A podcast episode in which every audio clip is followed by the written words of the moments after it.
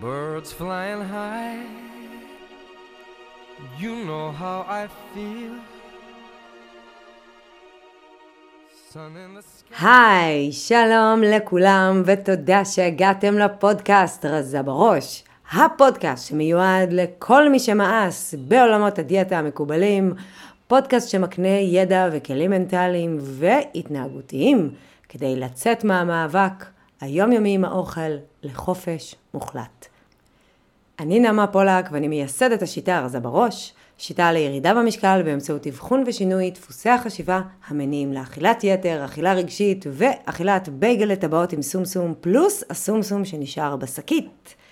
אז שוב שלום לכן, אנחנו כאן היום עם החלק השני של הראיון עם מעיין סרי. מעיין היא פסיכולוגית קלינית, מטפלת באכילה רגשית ומחברת הספר רעבות. והראיון איתה הוא ראיון שהפך לטרילוגיה בפודקאסט של רזה בראש, טרילוגיית רעבות. ורגע לפני שאנחנו צוללות פנימה, אני רוצה שתדעו שבפודקאסט הזה מושקעת המון עבודה, המון המון שעות, המון אנרגיות והמון המון משאבים. וכל זה מתוך מטרה שאני אוכל להביא לכם את הטוב ביותר, את הידע וגם את הכלים שיוכלו לעזור לכם לקיים מערכת יחסים מיטיבה וחופשית, גם עם הגוף וגם עם האוכל. וכל מה שאני מבקשת בתמורה זה לדעת האם הפודקאסט עוזר לכם. אז הפידבקים שלכם והתגובות על הפרקים חשובים לי מאוד.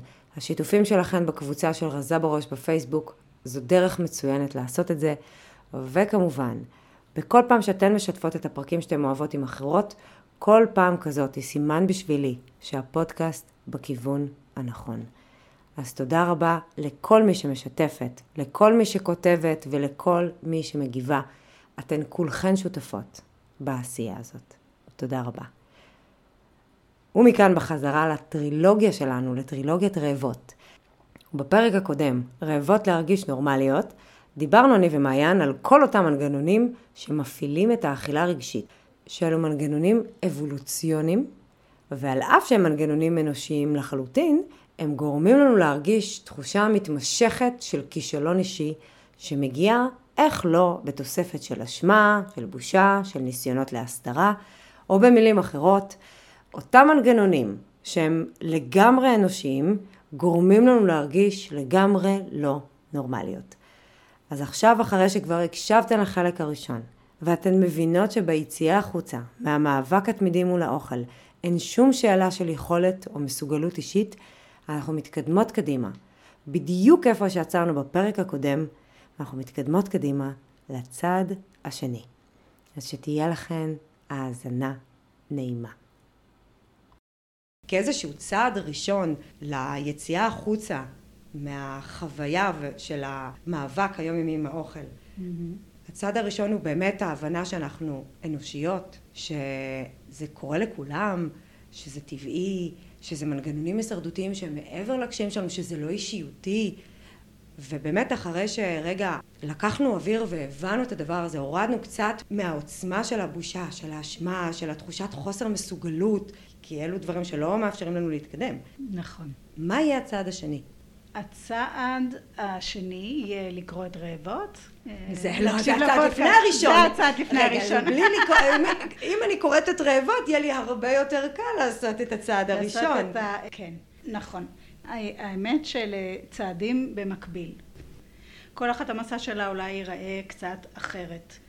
אחד הצעדים המאוד חשובים, שוב, זה אם הבנו שהאוכל שימש אותנו עד עכשיו, הוא לא הבעיה, הוא הפתרון, נכון? הוא הפך להיות האקמול שלנו לכאבי הנפש, אז הצעד של לעשות זה לנסות רגע להפסיק לקחת את האקמול ולעשות כמה דברים. אחד, זה להיות מוכנות להרגיש את כאבי הנפש האלה ולא לברוח למקרר.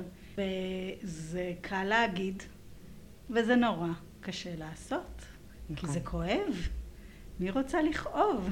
כאילו באמת בצדק אנחנו לא רוצות להרגיש כרגע משהו שהוא בלתי נסבל עבורנו. אנחנו גם לא תמיד יודעות להגדיר את זה ככה באותם רגעים. נכון. זה מרגיש כזה כמו, בא לי, אני חייבת. אני, אני לא באותו רגע חושבת על זה שאני, לא יודעת, אולי בודדה, אולי לחוצה, אולי עצובה. נכון. אז אני חושבת, זה הרבה פעמים התגובה שאני מקבלת. אה, עזבי אותך, לא הייתה לי שום מצוקה רגשית. זה, זה, זה לא לי. זה. בא לי. אה, טעים לי, פשוט מאוד, באמת, אני לא יודעת לזהות. אז יש לנו כמו סוללה בפנים של הצרכים הרגשיים שלנו. האם הסוללה מלאה, אה, שהצרכים שלנו אה, מלאים, יש צרכים רגשיים של... מסופקים? מסופקים, אה, הכוח הנפשי שלנו, יש לנו כוח, המיכל הפנימי שלנו הוא בטוב כרגע, הוא מלא. הוא מלא, צ'ארג', כן. צ'ארג'ד, ואז אה, מתחיל היום, ועצם היומיום מרוקן אותו, כי אנחנו רוב היום בצריך, נכון? רובנו. אנחנו קמות וקשה עם הילדים וככה היינו סבלניות למרות שהיה לנו קשה. בום הסוללה שלנו. התרוקנה.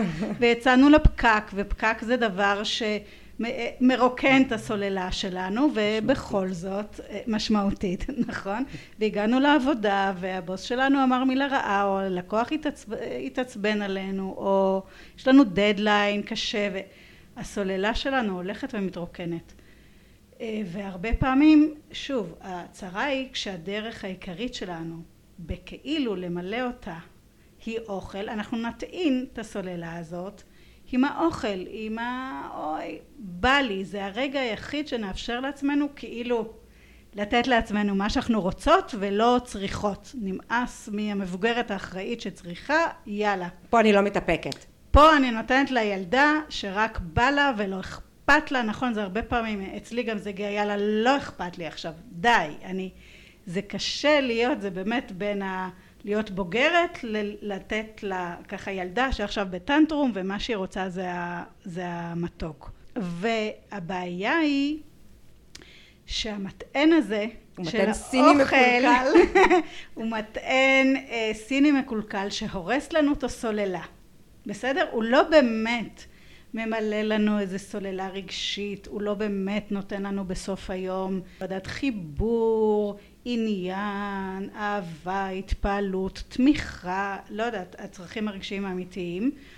הוא בכאילו סותם לנו את החור הרגשי שאנחנו מרגישות והורס את הסוללה באופן שאנחנו רק צריכות אותו יותר אחרי זה. שוב, כי סיימנו עכשיו את הביסלי שטוחים במבה נוגת מול הטלוויזיה, אנחנו רק מרגישות יותר רע לגבי עצמנו ורק עוד יותר צריכות המטען. כל הטענה כזאת רק הורסת את הסוללה, עד שלא נשארת לנו סוללה מתפקדת ואנחנו חייבות להיות מחוברות למטען הזה כל הזמן. אני חושבת שזה באמת ו- נראה לנו שזה רק עוזר לנו. הנה, אה, ירדה לי הסוללה, אני צריכה להטעין, עד פה לגיטימי. הטענתי, אבל ככל שאני אטעין יותר, ככה תדפק לי הבטריה יותר, וככה אני צריך להישאר עם המטען מחובר לקיר בעצם. נכון, אז אני חושבת שהקושי הוא כשבאמת באיזשהו אופן עמוק אנחנו מתייחסות אליו כמטען הכי טוב, או היחיד שיש לנו. ואז לא נשארת לנו ברירה, אנחנו אומרת בוא נחשוב כשהפלאפון שלנו מגיע לשלושה אחוז ואנחנו מרגישות שחיינו תלויים בו. אבודה. אני אהיה אבודה, גם בלי הוואטסאפ ובלי הווייז ובלי הפייסבוק, לא יודע, אני אהיה אבודה, אז אני אטעין אם מטען לא טוב. ואני אומרת את זה גם בשביל שנהיה בחמלה לעצמנו, אה, שבאמת ברגע המצוקה, אם זה המטען העיקרי שהמוח שלנו למד, הוא יחזור אליו. ואז מה העבודה? העבודה היא מצד אחד להרגיע את המוח שאנחנו יכולות לשרוד גם וואי, בלי נתת לי עכשיו סוללה. אנלוגיה מעולה, את יודעת? נגיד אני עכשיו נוסעת בכביש, והטלפון שלי עומד להיגמר, ואני עם הווייז, ואני, חיי תלויים בזה כרגע, כי אני לא זוכרת איך זה לנסוע בלי ווייז. וזה ממש נראה לי כאילו קץ החיים, ואני אשלוף את החוט הראשון שנמצא בתא כפפות, ויכול להיות שזה הדבר הכי נורא שאני יכולה לעשות, ואני אשרוף לי עכשיו את הטלפון אה, עד הסוף, אבל אני אומרת, אוקיי, טוב, אני אחבר, יהיה בסדר, מה, זה, זה, אני, יהיה בסדר, העיקר אני אגיע הביתה. אבל הסתדרנו גם לפני הווייז, נכון. וברמת העיקרון, אני יכולה למצוא את דרכי הביתה. גם בלי מטען שיהרוס לי את הטלפון וייצור בו תלות קבועה, אבל אני באותו רגע באמת שבויה בקונספציה שאין חיים בלי זה. נכון. אין אפשרות. נכון. אני צריכה להסכים לעצמי. אם באמת אני יודעת שאני אטעין את הפלאפון והמטען הזה הורס אותו, האם אני יכולה להרשות לעצמי להרגיש אבודה לרגע? ממש האם ככה. אני יכולה להרשות לעצמי רגע להרגיש אה, חסרת אונים? ואולי אני אזכר שאני יכולה לפתוח את החלון ולבקש הוראות מ- מחבר ליד. אבל אנחנו צריכות להסכים, להרגיש רגע איך זה מרגיש אם נוותר. אה, נכון. על האמצעי שהתרגלנו לחיות על איתו. האמצעי שהתרגלנו לחיות איתו. ו- והטרגדיה היא שהוא לא מביא לנו באמת את מה שאנחנו רוצות. שוב, אם אנחנו חוזרות לאוכל, שאם אני בודדה בערב ואני מסתפקת בקערת אה, פופקורן והיא עוזרת לי לרגע כי אני בורחת במקום בלחוות את הבדידות, הצרה והמחיר הקשה הוא שאני לא בסוף עושה מאמצים יותר גדולים בשביל באמת להקל את הבדידות שלי. אני, אני ברחתי ממנה, עכשיו היא פחות כואבת, פחות דחוף לי לפתור אותה. ואני צריכה להסכים רגע לשבת שם בספה ולהגיד וואי, אני לא יודעת, כואב לי מה שזה לא יהיה, כי אני נורא בודדה אפילו כשבעלי יושב פה לידי, אבל הוא בפלאפון שלו, והוא זר ורחוק, או אני לבד, כן? מיליון, מיליון מצבים, תרחישים, מיליון כן. תרחישים שבהם בדידות מבקרת אותי. לא רק בדידות, לחץ, כעס, עצב, לחץ, חרדה, תסכול, חוסר אונים, כן, בואי, כל כל. הרשימה. כל הרשימה, מה שזה לא יהיה. אז באותו רגע אני לא צריכה לפתור את זה כבר. אני מסכימה להרגיש אותה קודם כל וברגע שהסכמתי להרגיש אותה אני כבר פחות בודדה כי אני הפכתי לחברה של עצמי. כלומר באיזשהו אופן אם דיברנו קודם על במקום להפנות הגב הסתובבתי. אמרתי לבדידות היי אני יותר גדולה ממך בואי לא תהרגי אותי אני מוכנה להרגיש אותך. כי אני מוכנה להגיד בחיים אנושיים יש גם בדידות כעס עצב וכו' וכו' גם יש איזשהו סיכוי שאולי באיזשהו שלב אני אבחר לעשות משהו שיקל עליה, הוא לא ימחק בדידות מחיי, אבל אני לא יודעת, אני אשלח וואטסאפ לחברה שהתרחקה, אני אעשה משהו שבסופו של דבר באמת יקל עליי. את יודעת, אני גם חושבת שמעבר ללעשות, לפעמים אנחנו אפילו לא צריכות לקפוץ ישר למה אני יכולה לעשות כדי להקל את הבדידות. נכון. אמרת את זה בספר, ואני כל כך התחברתי ל- למה שכתבת שם, שבאיזושהי מדיטציה, או... ב rebirthing, ב- כן, אוקיי, בטיפול ב- rebirthing. בטיפול כן. rebirthing שעשית, את הבנת שאת זאת שנוטשת את עצמך ברגעים האלו של הכאב, ובעצם כשאת מסכימה להרגיש את הרגשות השליליים במהלך היום מבלי לברוח מהם, אז את כבר לא נוטשת אותך. נכון. ועוד מבלי לעשות אפילו, מבלי להתקשר לחברה, מבלי לקבל חיבוק מהבעל, מבלי uh, עכשיו לקום ולצאת לסיבוב מסביב לבעל, מבלי לעשות כלום. רק עצם ההסכמה להרגיש את הרגש השלילי הזה, מהמם. אוקיי, קשה ככל שהוא יהיה, ואני חושבת שאולי באמת כדאי לנו, לכל אחת מאיתנו, לחשוב איזה רגש שלילי היא מוכנה להרגיש קודם. אולי יש אה, רגשות שליליים שאני מוכנה קודם להרגיש, ו... ורגשות שליליים שאני אהיה מוכנה להרגיש אחר כך, כשאני אהיה קצת יותר מתורגלת. לא צריך הכל ביחד. אפשר להסכים אולי באמת בצורה יותר מכוונת, זה נשמע מאוד מאיים להרגיש, נכון, איזשהו כאב, איזשהו משהו, אבל אנחנו יכולות כן לעשות איזושהי מחשבה מוקדמת עם מה אני מסוגלת להתמודד. נכון. תראי, לרובנו אני חושבת שיש, כמו כוכבים באוכל, איזה, איזה כוכבים שהם הבלתי נסבלים בשבילנו, והם אלה ששולחים אותנו הטריגרים. לאוכל. כן, רגשי, יש רגשות שבאמת קל לנו, אה, ויש רגשות שיותר קשה. אצלי למשל, אני יכולה להגיד די ברור, זה איזה קוקטייל של כעס ואשמה. בסדר? אה, זה קוקטייל. קוקטייל משובח הוא תמיד מגיע ביחד, מישהו פגע בי, אני כועסת עליו, מיד אני גם מצדיקה אותו, והוא פגע בי, כי בטח אני פגעתי בו, ואני גם, גם קורבן וגם תוקפן כזה כועסת ואשמה, וזה, וזה מרגיש אה, חסר אונים, ויאללה בוא נברח מזה. אני חושבת שלפעמים להתחיל בצעד קטן זה להגיד, אני אהיה מוכנה להרגיש את זה עכשיו לשתי דקות, ואז אני אלך לאכול, כלומר גם כן, את הרגש נכון. היותר קשה. את יודעת, זה איזה סוויץ' של התכווננות קודם כל, התכווננות של לשנות היחסים שלנו, אני כותבת, עם הרגשות האלה ולא עם האוכל. היום, למשל התחלנו לקרוא לבכי התפרקות, נכון? מלא פעמים מטופלות באות אליי ואומרות לי, וואי, אל תשאלי, התפרקתי אתמול, מה קרה? בכיתי, לא הצלחתי להפסיק.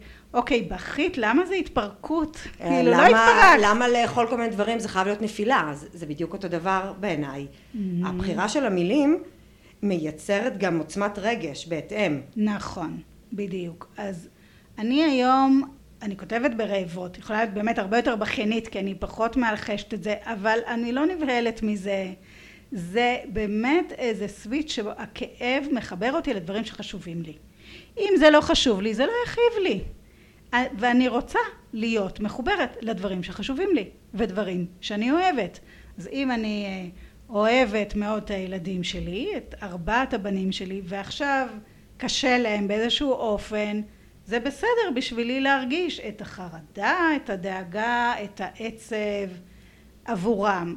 ולא ללכת להשתיק אותו עם אוכל, ולא לתת לו תווית שלילית. גם חשוב להבין ולזכור שהיכולת שלנו להרגיש או להכיל את הרגשות השליליים זה כמו אימון. זאת אומרת בהתחלה זה יהיה מאוד מאוד קשה וכואב מאוד כי ברחנו מזה או נמנענו מזה אבל בדיוק כמו אימון כושר זה לא כואב באותה מידה אחרי שמרגישים את זה עוד פעם ועוד פעם עוד פעם מרגישים את זה זה לא אומר שבכל פעם שנרגיש את זה אנחנו מיד נתמוטט ונתעלף מהכאב ולא נוכל עוד, עוד לנשום אבל אם הסכמתי להרגיש תסכול כן. כי אני מרגישה תסכול, חוסר אונים, אם זה כשרואים חדשות או הם מסתכלים בוואטסאפ של הגן וחווים תסכול.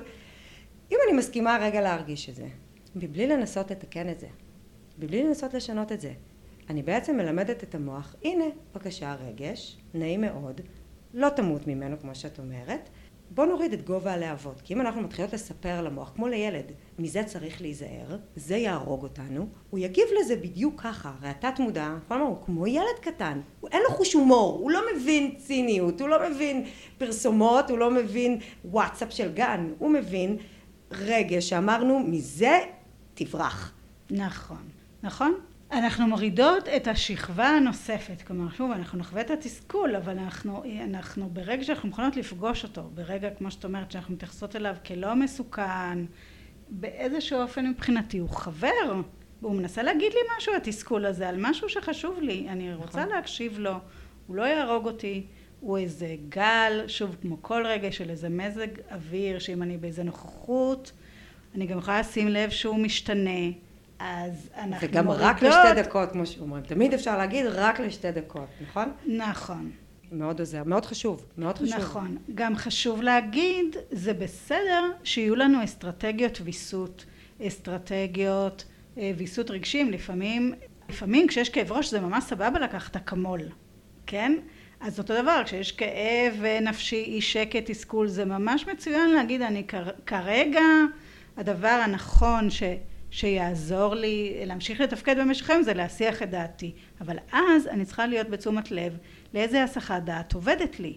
כלומר אם אני הולכת למקרר ולוקחת ביס סביר שזה יעלה את התסכול שלי מעצמי. אז זה לא באמת עובד. זה מייצר יותר נזק מתועלת. בדיוק עכשיו אולי לא יודעת מה בשביל מישהי להיכנס לעשות רגע מקלחת זה כן עובד. אז זה בסדר מה שעובד אנחנו לא מזוכיסטיות סתם רוצות נכון. לטבוע בכאב כל היום אבל אנחנו רוצות לשים לב טוב טוב אלו אמצעים שהם גם אמצעים של הדחקה, הסחת דעת, בריחה כשאנחנו צריכות עובדים לנו.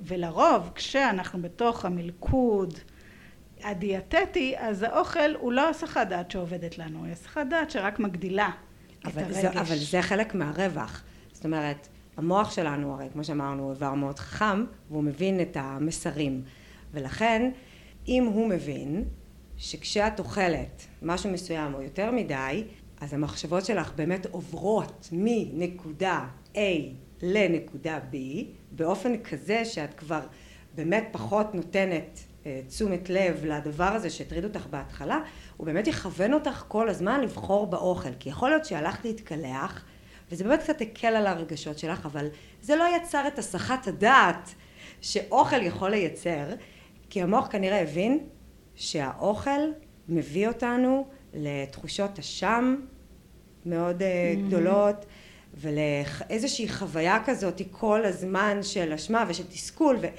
ובאמת איזשהו משהו כזה שהוא צריך להיות כל, כל כך חזק או מספיק חזק כדי לא לחשוב על הדבר ההוא ואם יש משהו מאוד חזק שאני לא רוצה לחשוב עליו אני צריכה משהו חזק אחר במקום נכון. והאוכל הוא מאוד יעיל בקטע הזה. נכון. זה האוכל והדרמה. ככה ייצרנו שכבה של דרמה שלמה סביב האוכל.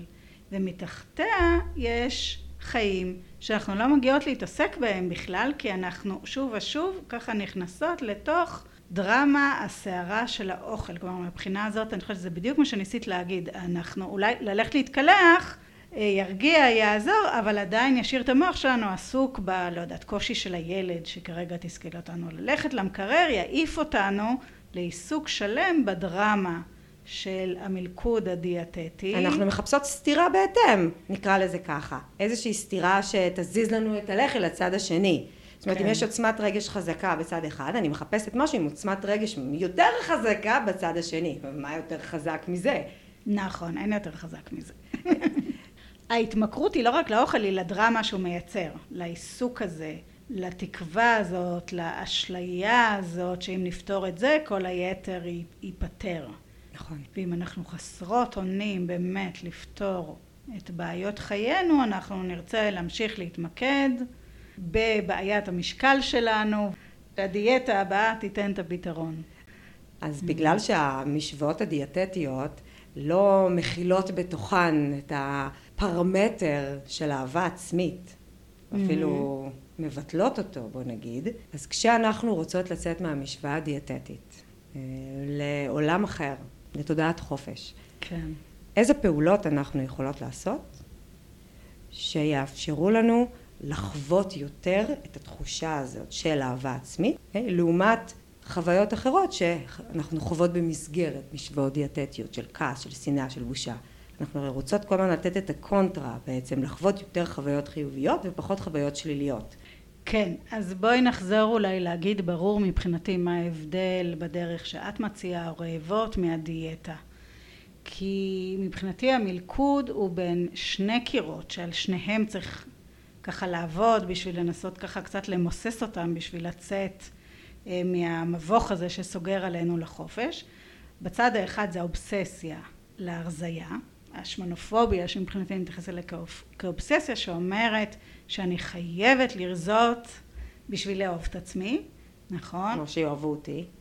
או שיאהבו אותי, בדיוק בשביל להיות אה, ראויה לאהבה, להצלחה. הערך העצמי שלי שבוי שם. הוא נלקח בשבי, ורק כשאני אהיה רזה אני אוכל להרגיש טוב עם עצמי ולקבל את, את הדברים, שוב, את מה שאני רוצה בחיים, זה הצלחה, זוגיות ואהבה עצמית, שאנחנו בסוף זה מה שאנחנו רוצות, ונכנסנו לאיזה מנהרה צרה שבה המוח שלנו מספר לנו שהאמצעי היחיד להגיע לשם, בסוף הרזייה זה אמצעי, זה הרזייה. וכשנרזה נצליח. ומהצד השני אנחנו חייבות שוקולד כי זו הדרך היחידה שלנו לברוח מהמצוקות שלנו ואנחנו נתרקות בין הקירות האלה. ומה שדיאטה כל דיאטה אומרת לנו זה קודם כל את צודקת שאת רוצה לרזות השומן שלך מגעיל בואי אני אעזור לך. ובאמת אם תהיי רזה כולם יאהבו אותך ואת תאהבי את עצמך ולא יהיו לך בעיות בחיים. בדיוק ומהצד השני את צודקת ששוקולד הוא נפלא ואי אפשר לחיות בלעדיו, אבל בואי אני אעזור לך להסתפק באחד בשבוע בארוחת הפרס או לא יודעת מה. זה באמת בעיה, כי את צודקת פה וצודקת כאן. נכון, את, בואי, את תישארי במלחמה, בסדר, מה שדיאטה אומר, תישארי במלחמה, אבל איתי תנצחי אותה, בסדר? ומה שאני חושבת שאנחנו מנסות להגיד זה יש חיים של שלום, יש חיים שיש בהם הרבה יותר חשוב השלום והחופש, והחיים האלה אומרים שאנחנו לא חייבות להפסיק גם להימנע או להיות בקיפוח וכו', אנחנו צריכות לחזור לחוויה של בחירה שם, אנחנו צריכות לנתק את התלות הרגשית, את זה אנחנו צריכות לנתק, כלומר כל עוד אה, מאפה קינמון הוא ההקלה העיקרית שאני מכירה, אני לא יכולה לוותר עליו. העבודה היא לשנות היחסים עם הרגשות שלי ככה שאני לא חיי תלויים בהקלה הזאת, כי אני יודעת להישאר עם בדידות וכו', ואם אני צריכה אני מוצאת הקלה אמיתית. אז רגע, דיאטות בעצם, לפי מה שאת אומרת, הן מציעות, נכון? תפריט, שקילות וכו', זה איזושהי חוויה של מיקוד חיצוני.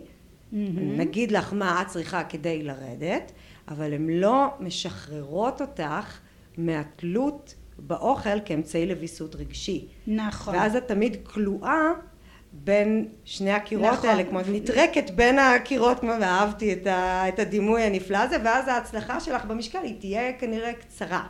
נכון, הם- כי הן גם לא משחררות אותך מהשמנופוביה, שוב, הן רק, הן עוזרות לך אה, להתערק פחות כואב אה, בין הקירות האלה. בעוד העבודה, אני חושבת שאנחנו מצאדים מצד אחד, באמת, איך אני לאו דווקא אוהבת את המשקל עודף שלי, זה באמת נורא קשה להשתחרר מזה, אנחנו בעולם שאידיאל היופי הוא רזה. אבל האם אני יכולה לעבור מחייבת להיות רזה לרוצה להיות רזה, כמו שאני גם רוצה להיות יותר עשירה, כמו שאני רוצה בית יותר נקי, אבל אני גם בסדר שהבית שלי יש בו טיפה אבק וכלים בכיור. זו עבודה. אני חושבת שכמו כל דבר, כמו שאת אומרת, יש לנו את הדבר הזה שאנחנו רוצות שיהיה לנו, ואת המחיר שנהיה מוכנות לשלם בשביל זה. זאת אומרת, יכול להיות שאני רוצה בית יותר גדול, אבל אני לא מוכנה אה, להגדיל את המשכנתה או את השכירות, כי זה יחנוק אותי ביום יום. יש כאלה שכן יסכימו לשלם את המחיר הזה על חשבון אולי גם דברים אחרים, וזה בסדר. אבל כל בחירה שאנחנו עושות צריכה להיות עם איזושהי הבנה של מה אני מקריבה בשביל הדבר הזה. ואם המשקל הזה שאני רוצה להיות בו הוא משקל שלא תואם את הסט פוינט הטבעי של הגוף שלי, את המנגנון רע ושובע הטבעי של הגוף שלי, אני הולכת לשלם משכנתה בריבית אה, דריבית דריבית דריבית ואני קולעת את עצמי בגלל שרציתי חופש בגוף. המחיר לא תמיד שווה את זה. נכון, קודם כל הרבה פעמים אנחנו באמת בגלל, שוב, ככה אידיאל היופי הככה לא ריאלי שיק. שלמדנו, ההרואין שיק וכל זה, הציפיות שלנו באמת לא תואמות למציאות ואנחנו נשאר במלחמה באמת. אני באמת חשוב לי רגע להגיד ש, שיש בנות שהסט פוינט שלהם הוא באמת רזה. מהמם. מעולה, אחלה. אז הם ירדו במשקל, או הם ישנו את מערכת היחסים עם האוכל, ישחררו את התלות הזאת והזאת, והם יוכלו לחיות במשקל הרזה, בנראות מסוימת שהם באמת שאפו אליה, בלי תחושת המאבק הזה. אבל, יש גם עוד הרבה נשים אחרות, זאת אומרת, כי אנחנו בני אדם, אנחנו שונים בגובה, במבנה, בצבע העיניים, שהסט פוינט שלהם הוא לא המשקל שהם רצו, הוא חמש קילו מעל. נכון. אבל הן חיות לנצח ולעד את הפער של החמש קילו והחמש קילו האלה משעבדים אותם כאילו הם עכשיו מדירה עברו לפנטהאוז אבל זה לא נכון, אבל למה זה כל כך קשה? כי אם שגדלנו, חיינו בעולם שלימד אותנו שהעוד חמישה קילו האלה רק הם באמת יביאו לנו את ה... לא יודעת, התפעלות, אהבה, המקום החברתי שאנחנו רוצות, אנחנו לא נצליח לשחרר, כמו שאם גדלנו בבית שבו נגיד הצלחה כלכלית היא המדד לערך עצמי, אז יהיה לנו נורא קשה, זה החיים, להסתפק ב... אולי אנחנו סבבה עם להרוויח, לא יודעת, 15 אלף שקל, אבל אם ההורים שלנו, הסבים שלנו, הדודים שלנו, האחים שלנו אומרים לנו, זה לא שווה, אין איזשהו אה, סטנדרט, אנחנו באמת בעולם, וזו עבודה פנימית. אמונות אה, מגבילות. כן, להשתחרר מזה.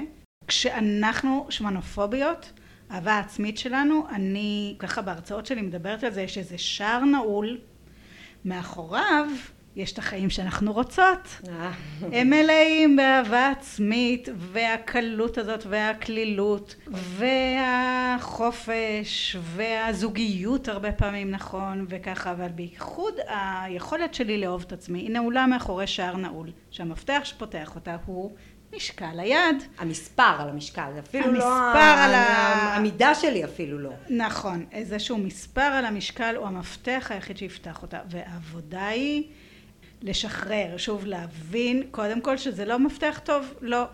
אם אנחנו לא עשינו איזושהי עבודה פנימית על לקבל את עצמנו למרות שאנחנו לא מושלמות אנחנו למשל, אפילו אם נגיע למשקל היעד הזה, נגלה שהוא לא הכניס אותנו לעולם שכולו טוב. עדיין אה, כואבות לנו בעיות בעבודה, בזוגיות עם אה, חמותינו, אני לא יודעת מה, האובדנים שלנו, הטראומות שלנו, זה דבר אחד. ודבר שני, שעכשיו יהיה לנו נורא קל להתעסק בפגמים אחרים. אצלי זה האור שלי שאני שונאת, כלומר, זה לא בעיה למצוא סיבות.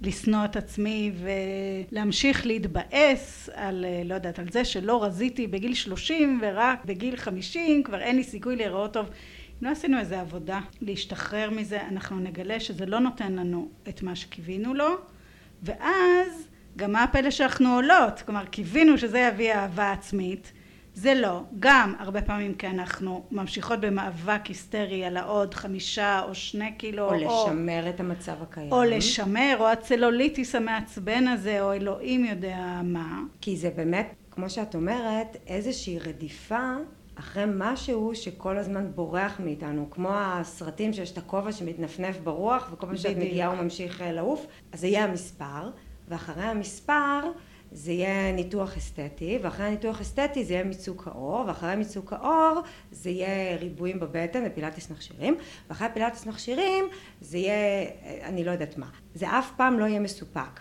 נכון, אם אנחנו, כמו, ככה שאת אומרת, המוח שלנו, הדבר שהוא רגיל להיות בו זה חוסר מרוצות מעצמנו. או בכלל, המחשבה השגויה שיש מושלם. נכון. שמתישהו אנחנו נהיה שבעות רצון ב-360 מעלות. נכון, ואז גם שהרגע הזה יישאר. כן. כלומר, כאילו יש פסגה, ואנחנו עושות את זה, אני גם מוצאת את עצמי עושה את זה, גם במובנים של לא רק המשקל. זה קשה להיפרד מהתקווה האשליה, שכשנכבוש את הפסגה הזאת, גם נישאר עליה. הכל יהיה טוב, והיא תביא לנו את האושר, אבל החיים לא עובדים ככה. נכון. כי גם אם נכבוש את הפסגה, נראה את הפסגה הבאה, נכון? אנחנו לא נשארות עליה. החיים הם דרך טלטלה ארוכה. לא יגיע הרגע שבו נכבוש איזה יעד. עכשיו, הוא יביא ונגיד, לנו אושר תמידי. זהו, נכון. סיימנו, בדיוק. עכשיו, זה בסדר לשים נ"צ בדרך של חלומות ומטרות להגשים, אבל אם אנחנו חיות במרדף תמידי שרק כשנשיג את המטרה נהיה מאושרות, אנחנו נהיה אומללות לאורך כל הדרך. אחד הדברים שאני ככה מזמן אה, נחת לי האסימון זה באמת שאהבה התנהגות היא גם רגש אנחנו יכולות להרגיש את הרגש הזה אבל הוא מבלבל בסוף להיות אוהבות כלפי עצמנו וגם כלפי אחרים זה להתנהג את זה כלומר באופן של מה זה אומר אה, לעשות פעולות שמיטיבות איתנו לעשות פעולות שמקדמות איתנו לעשות פעולות שתואמות לערכים שלנו. את יכולה לתת דוגמה? כן, אה, כלומר בספר למשל אני נותנת דוגמה שהיא ללכת לסדנת סטיילינג גם כשאני עוד לא... במידה ש. במידה ש, כי אני, כי אני מעבירה לעצמי מסר שאני ראויה להתלבש טוב גם כשאני לא במשקל היעד. יש לך אה, דוגמה לפעולות אה, יומיות, ביתיות? כן, למשל כשאנחנו עומדות בבוקר מול הראי לא להסתובב על הצד בשביל שנוכל לראות את הבטן הרבה יותר טוב ואז לקלל אותה קללות נמרצות כמו שרובנו עושות. אולי לא נכניס את הבטן לשם שינוי. אולי לא נכניס את הבטן כל החיים. אולי נרים את המבט באמת לאיזה חיוך. איך זה אבל הפעולה הזאת היא שלא להכניס את הבטן או לא לעמוד מהצד מול הראי כמו שאת אומרת איך זה אמור לשפר את האהבה העצמית שלי כלפי עצמי אם אני לא אוהבת את מה שאני רואה כרגע במראה תראי, זה מבחינתי, ככה תשומת הלב שלנו, זה על מה אנחנו נותנות תשומת לב. אנחנו לא צריכות להתחיל לשקר לעצמנו באיזה אופן כזה של אני מתה עלייך יפהפייה וזה, אולי אנחנו לא כל כך, אבל זה כמה תשומת לב אנחנו נותנות לבטן הזאת. מה שמואר צומח. מה שמואר צומח, כמו שאת אומרת בדיוק. אני חושבת למשל פרקטיקה שהיא מאוד מוכרת, מדוברת, אבל גם רק מעטים מאיתנו מצליחות באמת לעשות אותה, זה להיות בהכרת תודה. על איפה תשומת הלב שלי, אני ככה... אז זהו, אני, אני אתן דוגמה בהקשר הזה, שגם אני אוהבת uh, להשתמש בה. בואי נגיד שאת עומדת מול המראה ואת uh, שונאת את המלח פלפל שיש מתחת לידיים. בזרות, כן. כן, מרימה את הידיים, יש את המלח פלפל, כל הזמן, אני שונאת את הידיים, שונאת את הידיים, ושונאת את הידיים, ושונאת את הידיים. בסדר, בואי רגע נדייק. את שונאת את איך שהן נראות. וזה חשוב. כי באותה נשימה, שאני שונאת את איך שהן נראות, אני עדיין יכולה להוקיר תודה על מה שהם עשו בשבילי היום. כי הידיים האלה חיבקו, הרימו שקיות, פתחו את הדלת, החזיקו את ההגה, כתבו, הקלידו במחשב, עשו המון המון דברים שבלעדיהם, אז באמת היינו הרבה יותר חסרות אונים ממה שנדמה לנו. ואם חלילה משהו היה קורה ליד הזאת, היית מוכנה לקבל אותה עם המלח פלפל ועם עוד שאר תבלינים, עם הכל ביחד. כן, אז, אז זה בדיוק, ואני לא זוכרת אם זה רשום ברעבות, זה בדיוק הדוגמה שנתתי, שאני מאוד מאוד מאוד לא אוהבת את כתמי השמש של הידיים שלי, והייתי, וזה בדיוק העניין, הייתי נוסעת לעבודה באוטו, כזה הידיים מולי, והמבט נמשך כל הדרך לכתמים המכוערים האלה, והיד שלי, היד של סבתא שלי, ואיזה באסה ככה. ובאמת המחשבה בראש הייתה אני שונאת את הידיים שלי, אוף אני שונאת, כן אצלי ככה זה, ה, זה הטון עם כל הרגש. ואני ממש זוכרת את היום שנחת לי האסימון שאמרתי איזה קטע, כאילו זה בדיוק זה, אני לא שונאת את הידיים שלי, אני יכולה לא לאהוב את כתמי השמש שלי, לא התחלתי לאהוב אותם, אם היה פה מקל קסמים שהיה הופך אותי לשחומה ונטולת כתמי שמש, הייתי מוציאה אותו מהמגירה שלך נעמה ומשתמשת בו. אבל אני יכולה לבחור להרים את הראש ולהסתכל על הנוף המהמם בדרך. ואני יכולה בדיוק כמו שאת אומרת להיזכר ואיזה כיף שיש לי שתי ידיים בריאות, לא כל האנשים בעולם יש להם שתי ידיים בריאות כרגע לא כואבות שלמות כמו שאת אומרת עשו בשבילי דברים נפלאים בכל רגע ביום וזו העבודה לא להגיד לעצמי וואי עכשיו אני ניסיתי דרך אגב יש כאלה שיכולות אני ניסיתי להסתכל על כתמי השמש כמו ולאהוב על... אותם בעצם? כן, ולאהוב בהם? אותם, לא יודעת אם להתאהב בהם, ולהסתכל אוקיי. עליהם פחות נוראים, כמו איזה ציור כזה. עכשיו, אני לא הצלחתי, אני מעדיפה להיות בפחות תשומת לב, מישהו אחרת אולי תצליח. זה גם לא חייב לצבוע את הכל. את יודעת, כמו עם הילדים שלנו, אנחנו אה, מלמדות אותם, הרי נכון, שגם אם הם עשו משהו לא בסדר, זה לא שהם לא בסדר. יש איזושהי הפרדה בין ההתנהגות לבין האישיות. ומערכות יחסים בכלל, באופן כללי, יש לנו מערכות יחסים עם הילדים שלנו. מערכות יחסים עם חברות, מערכות יחסים עם בן הזוג, עם עבודה, עם כל מיני דברים, עם כמעט כל דבר. ובאותה מידה גם מערכת יחסים עם הגוף שלנו. ובדיוק כמו שבמערכות יחסים אחרות אנחנו מבינות שזה לא מושלם. כן. הנה, הילד שלי לא מושלם, ואני עדיין אוהבת אותו אהבת נפש. ועל אף שהוא מביא לי סעיף לפעמים, אני אוהבת אותו כמו שלא אהבתי אף פעם. הוא לא צריך להיות מושלם כדי שאני אוהב אותו. לגמרי. אז קודם כל ברור, וגם עם נכון? הבן זוג. אני שונאת את איך שהוא אה, משאיר את המטבח. סבבה, את שונאת אותו? לא, כי הוא רגע, בואו, בואו שנייה נמשיג את הדברים. בדיוק. ובתוך האובססיה זה היה קל להתבלבל.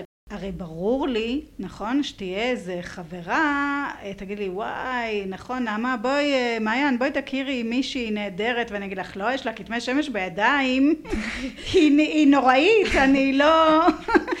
אם אני כל הדרך ממודיעין לירושלים מתעסקת בהם, אני לקחתי את המהות שלי, את הדברים שחשובים לי, וצמצמתי אותם לכתמי שמש בידיים. אני צמצמתי את, ה, את המהות שלי, את היחס שלי לעצמי, לזה, או הרבה פעמים אנחנו מצמצמות את זה משקל. למשקל, כמובן לבטן, לתוצאה. או הצלוליטיס, וזה נורא. רגע, אבל מה קורה כשאין תוצאות? אז באמת מה קורה כשאין תוצאות?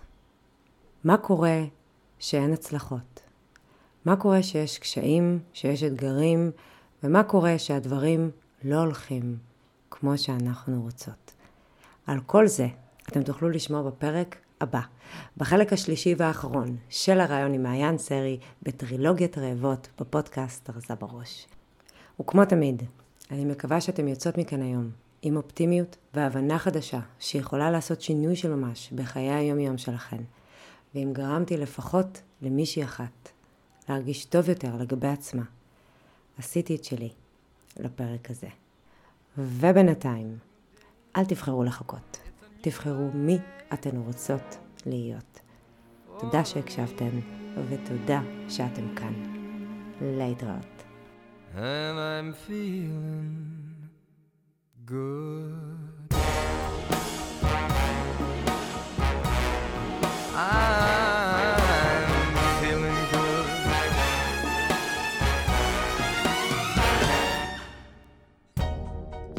fish in the sea. You know how I feel. River running free. You know how I feel. Blossom on a tree. You know how I feel.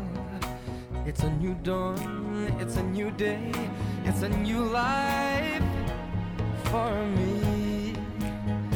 And I'm feeling good.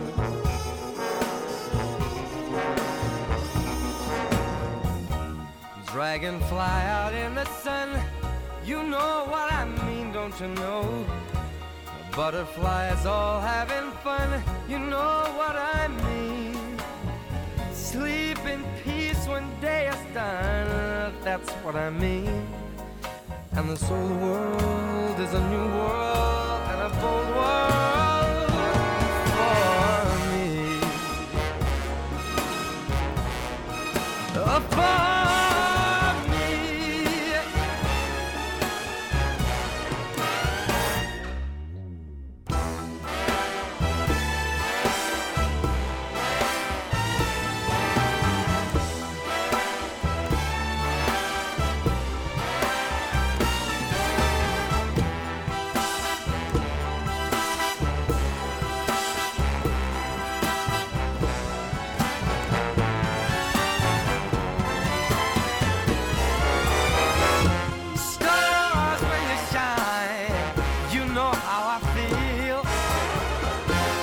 Scent of the pine, you know how I feel.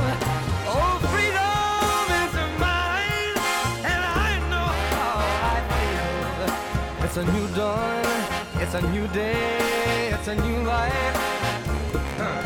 It's a new dawn,